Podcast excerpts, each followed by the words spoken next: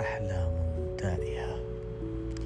في صغر سني كنت ألعب في فناء المنزل فرأيت طائرة تسحب من خلفها غيما ترسم به خطا مستقيم.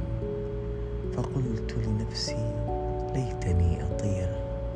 أردت أن أصبح طيارا ومع مرور الأيام ذهبت لمطعم وتذوقت تلك الوجبة اللذيذة؟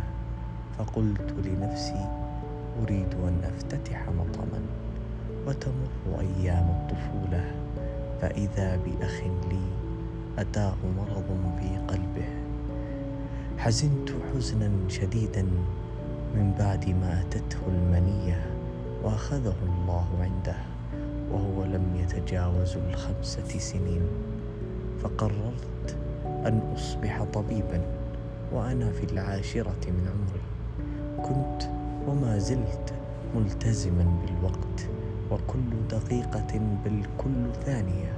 أرى إنها مهمة من يومي. ومن شدة التزامي تمنيت لو أن بإمكاني أن أحكم الوقت نفسه. حلم طفل طائش يحب السيطرة. وفي الرابعة عشر من عمري كنت أتردد على طبيب الأسنان. سألني ماذا تريد أن تصبح؟ فقلت له أريد أن أكون طبيب قلب ورئتين وأساعد الأطفال قدر الإمكان. ابتسم ذاك الطبيب وبدأ يحدثني في كل زيارة عن الأسنان وطب الأسنان وهكذا. فأحببت هذا الشيء ودرسته وأنجزته. وأنهيت البكالوريوس فيه.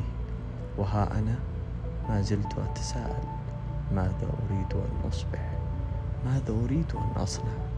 لحظة يا أنا لحظة يا أنت كيف أنت هنا؟ ولما أنت هنا؟ هل كان هذا حلمك؟ هل كان هذا طموحك؟ هنالك العديد من الأسئلة لم أجد لها جوابا. أخذتني الحياة إلى هنا. ولا أعرف ماذا أمامي أو ماذا ينتظرني.